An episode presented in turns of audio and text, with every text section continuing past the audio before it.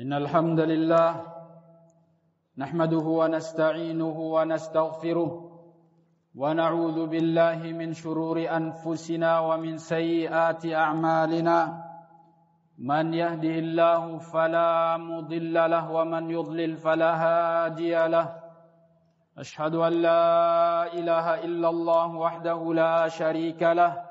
وأشهد أن محمدا عبده ورسوله.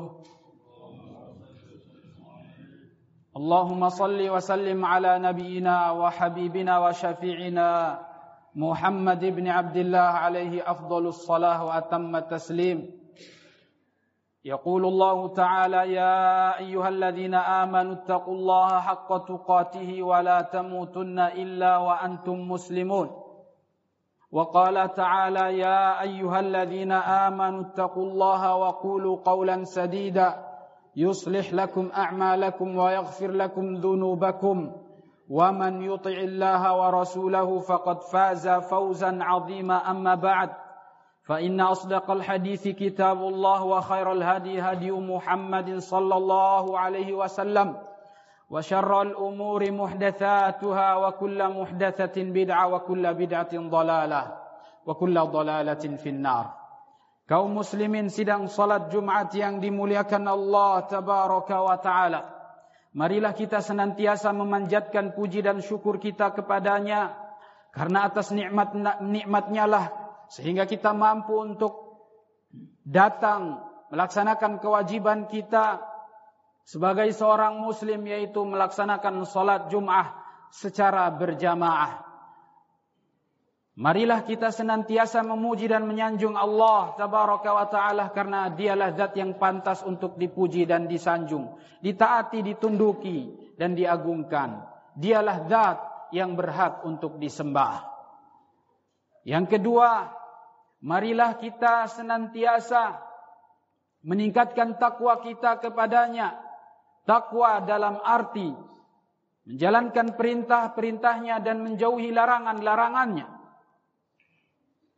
Takwa adalah kita menjalankan perintah Allah dan menjauhi larangan-larangannya. Itu adalah sebenar-benarnya takwa.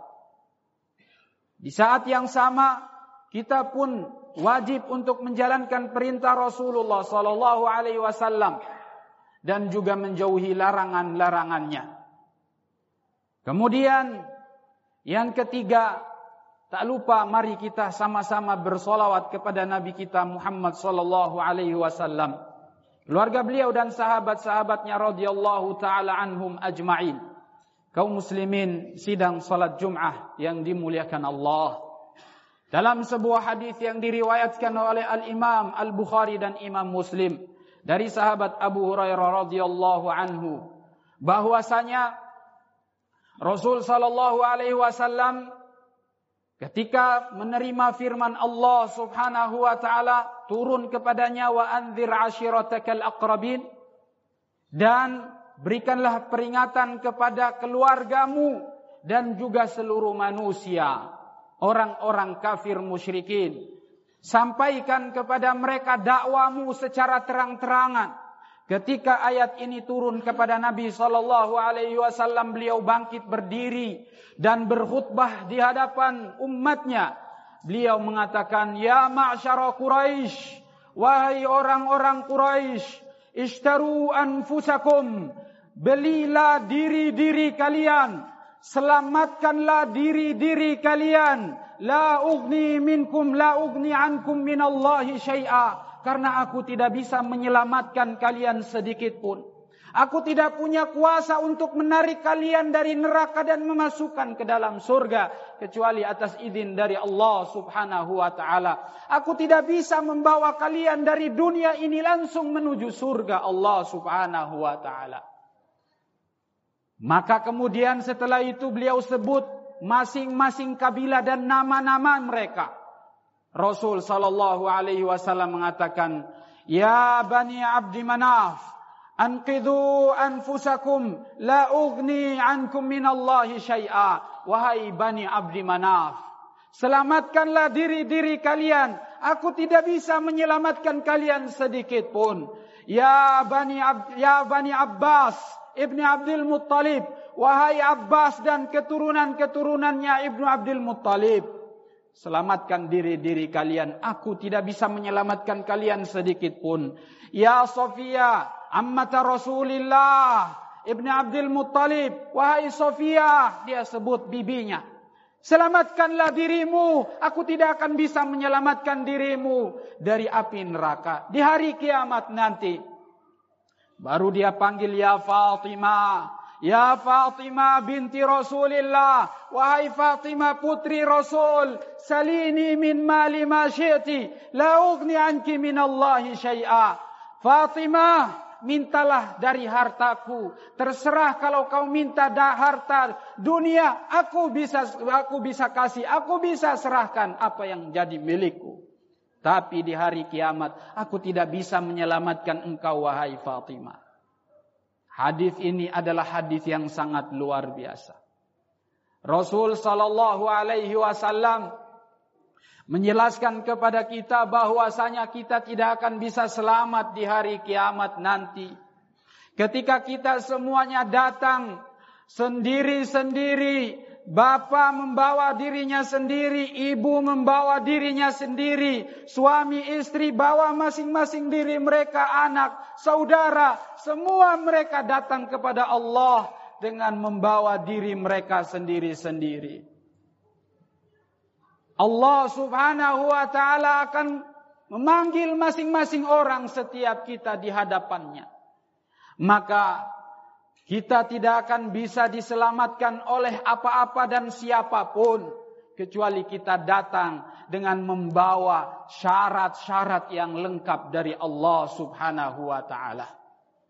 Dalam sebuah riwayat Imam Ahmad menyebutkan bahwasanya suatu hari Utsman bin Affan bercerita, kata beliau, telah datang kepada saya saat itu Umar ibnul Khattab dan memberikan salam kepada saya. Tapi saya tidak dengar salam tersebut. Saya tidak menghiraukan karena memang saya tidak mendengar salam Umar bin Khattab kepada saya. Lalu Umar bin Khattab pergi menemui Abu Bakar dan lapor kepada Abu Bakar. Tatkala itu di khilafah Abu Bakar As-Siddiq radhiyallahu anhu.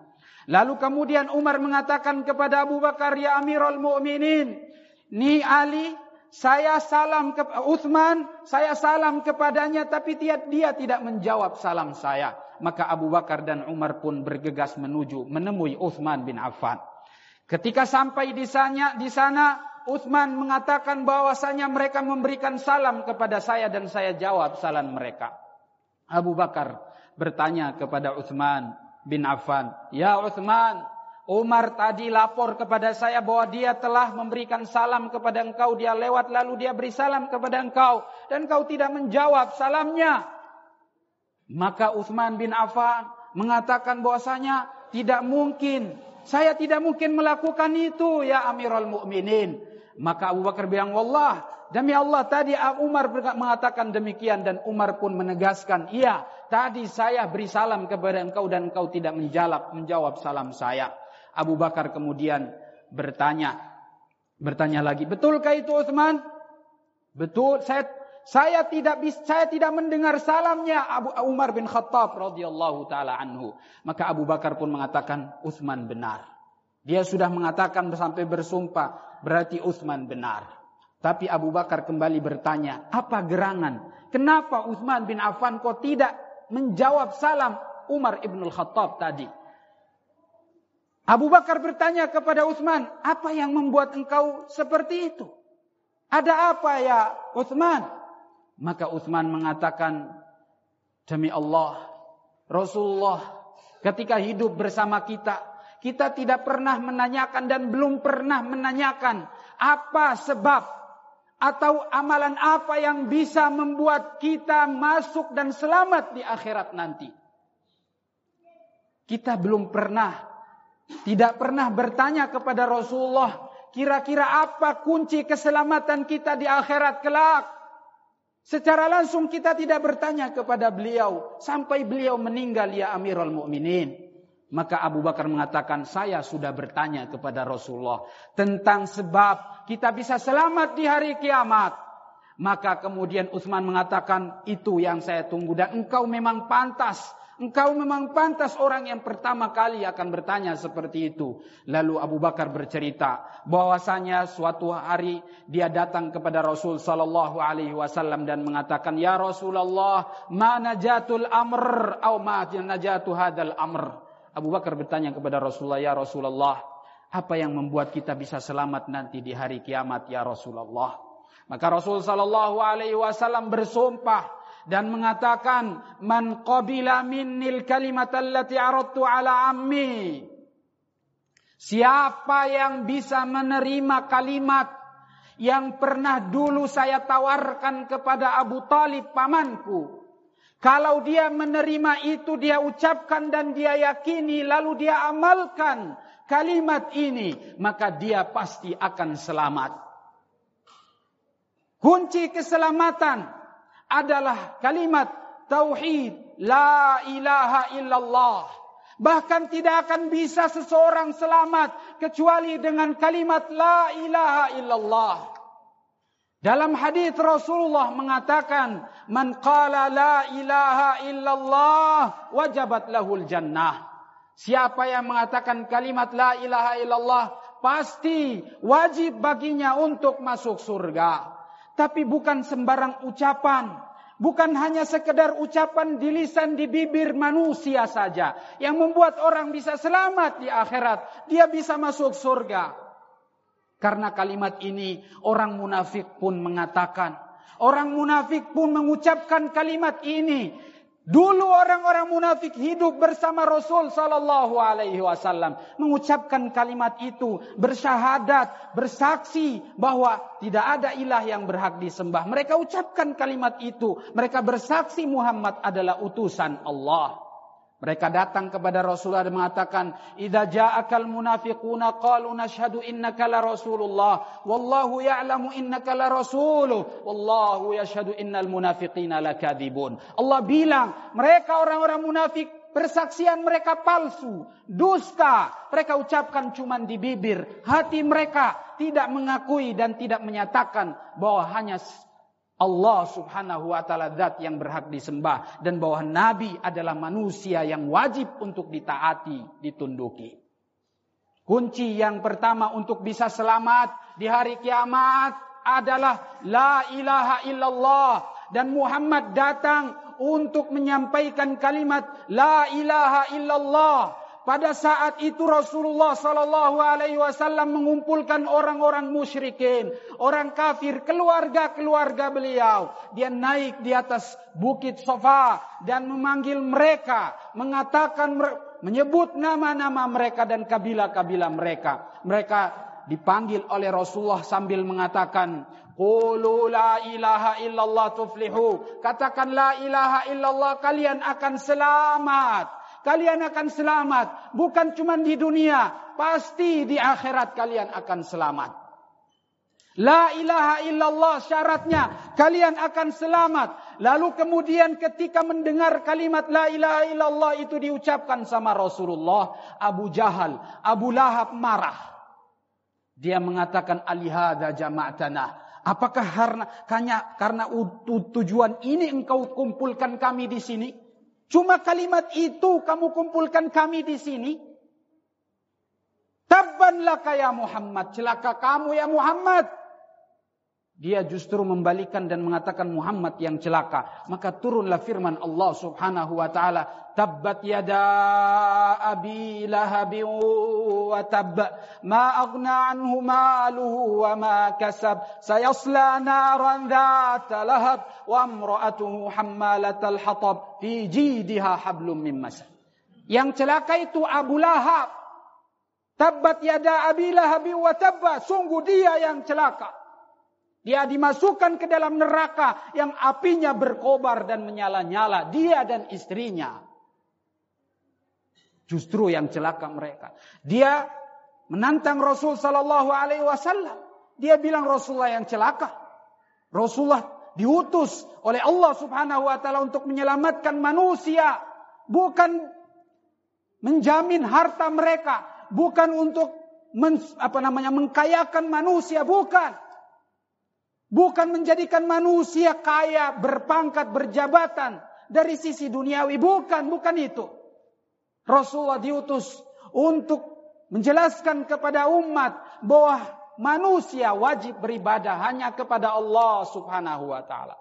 Tidak menyembah kecuali hanya kepada Allah. Tidak berdoa melainkan hanya kepada Allah. Tidak berlindung melainkan hanya kepada Allah. Tidak minta pertolongan kecuali hanya kepada Allah. Tidak minta rizki kecuali hanya kepada Allah. Tidak minta kesembuhan kecuali hanya kepada Allah. Itulah ibadah. Itulah ibadah. Karena dulu orang-orang kafir musyrikin, mereka minta pertolongan kepada selain Allah, minta perlindungan kepada selain Allah, minta rizki kepada selain Allah. Bahkan kalau kita bahas secara luas, kebiasaan orang-orang musyrikin dahulu. Mereka kalau datang di sebuah lembah berlindung dari penjaga lembah tersebut. Mereka bilang, wahai penjaga lembah lindungi saya dari bahaya.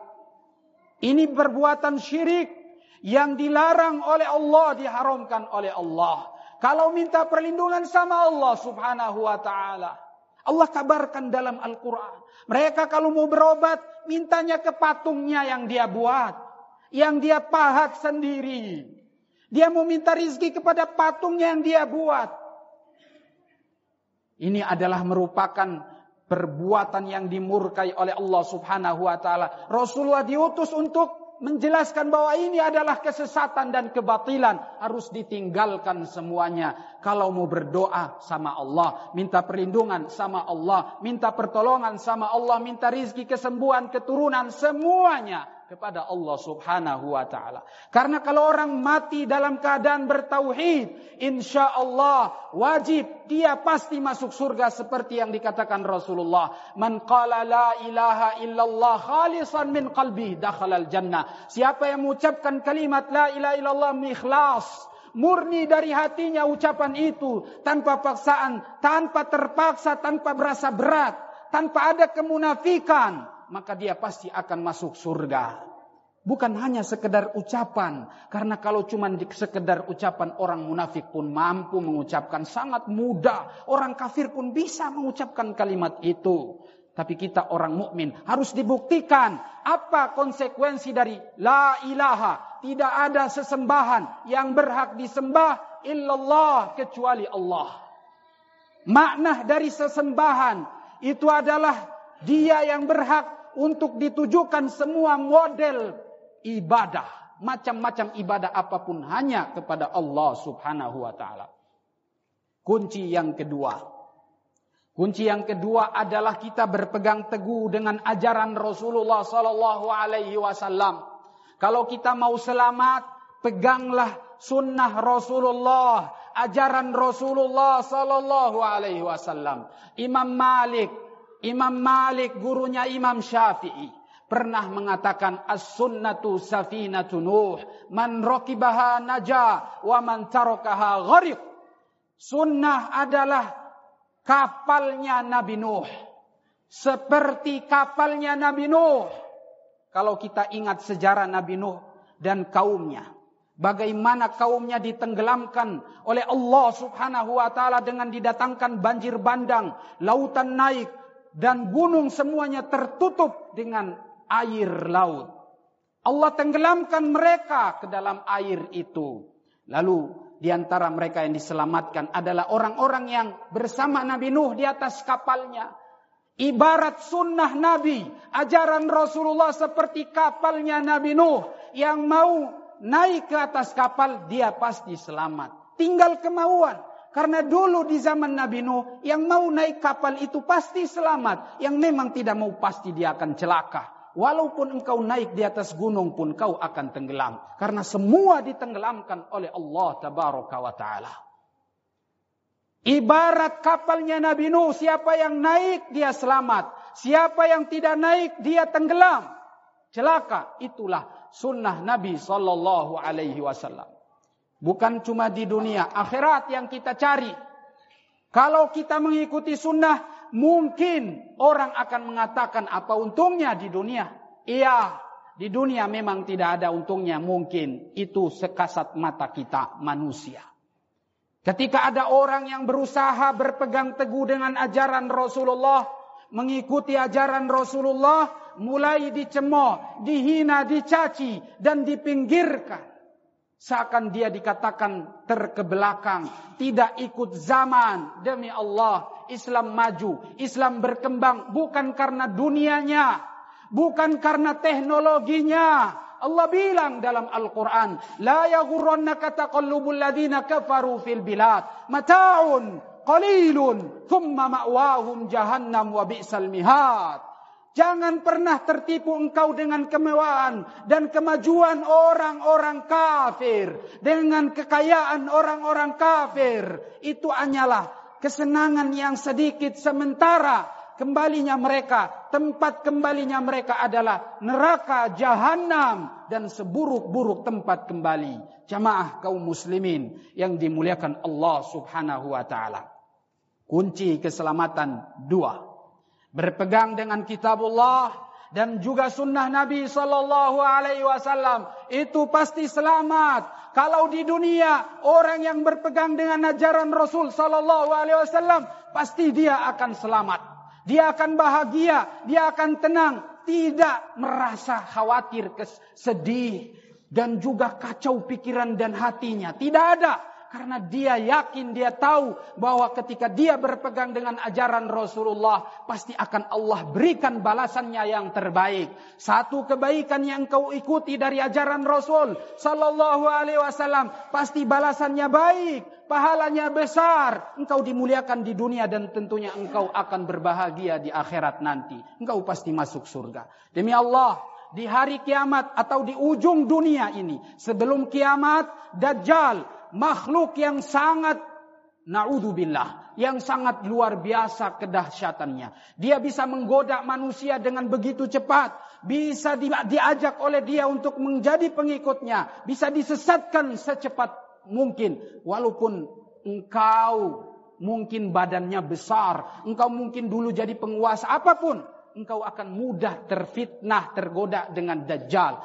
Tapi kalau orang yang berpegang dengan ajaran Rasulullah, dia tidak akan pernah tergoda dengan apa yang dibawa oleh Dajjal. Dajjal membawa surga dan neraka. Dia punya surga, dia punya neraka. Bisa dia buat orang mati dan bisa dia hidupkan orang mati itu.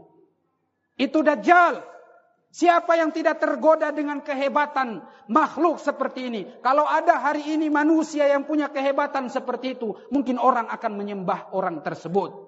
Dajjal seperti itu nanti di akhir zaman. Tapi jangan pernah tertipu. Seorang mukmin yang berpegang dengan ajaran Rasulullah tidak pernah terfitnah dan tergoda. Dia tahu ciri-ciri Dajjal. Dia yakin bahwa surganya Dajjal itu nerakanya Allah dan nerakanya Dajjal itu surga Allah subhanahu wa ta'ala.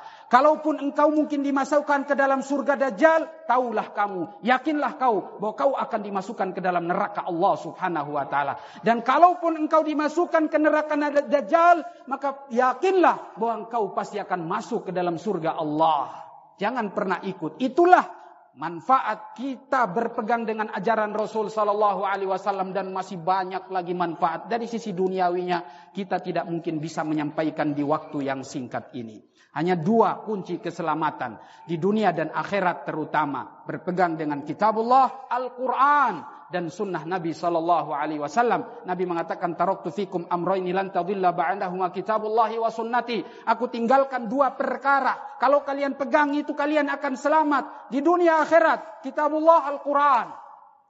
Kitabullah kita tidak pernah baca, tidak pernah buka, bahkan menghafal, memahami, tidak pernah. Juz amma Al-Quran kita tidak hafal. Padahal itu adalah kitab suci orang-orang yang beriman. Dalikal kitabul raiba fihi hudan lil muttaqin. Itu kitab yang suci di antara di, tengah-tengah kita sebagai pentujuk bagi orang-orang yang beriman, orang-orang bertakwa, tapi kita tidak pernah baca. Bagaimana bisa menjadi petunjuk bagi kita kalau kita tidak pernah baca, pernah buka, mendalami maknanya, tafsirnya tidak pernah baca. Kitabullah dan sunnah Nabi sallallahu alaihi wasallam. Aqulu qawli hadha wa astaghfirullah li wa lakum wastaghfiruhu innahu huwal ghafurur rahim.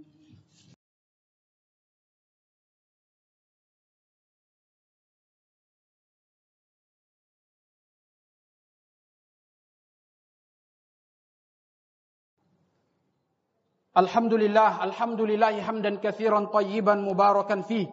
Kama yuhibbu rabbuna wa yarda salawatu rabbi wa salamuhu ala abdihil mustafa sallallahu alaihi wa ala alihi wa sahbihi wa sallam.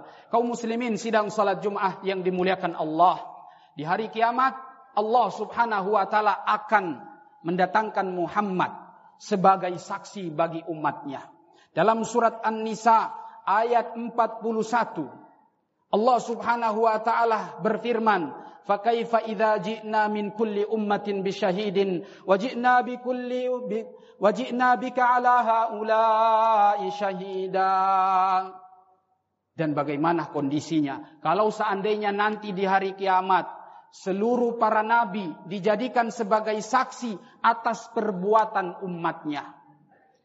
Nabi Nuh, Nabi Ibrahim, Nabi Lut, Nabi Zakaria, Nabi Saleh semua para nabi akan didatangkan. Mereka yang akan menjadi saksi atas perbuatan umatnya apakah baik atau buruk. Wajibna bika ala haula'i syahida. Dan kita kami Allah akan mendatangkan kamu wahai Muhammad di hari kiamat untuk menjadi saksi atas perbuatan umatmu atas perbuatan umatmu. Apakah mereka sudah benar-benar menjalankan perintahmu dan menjauhi laranganmu? Ataukah justru mereka tinggalkan ajaranmu dan justru mereka lakukan apa yang engkau larang?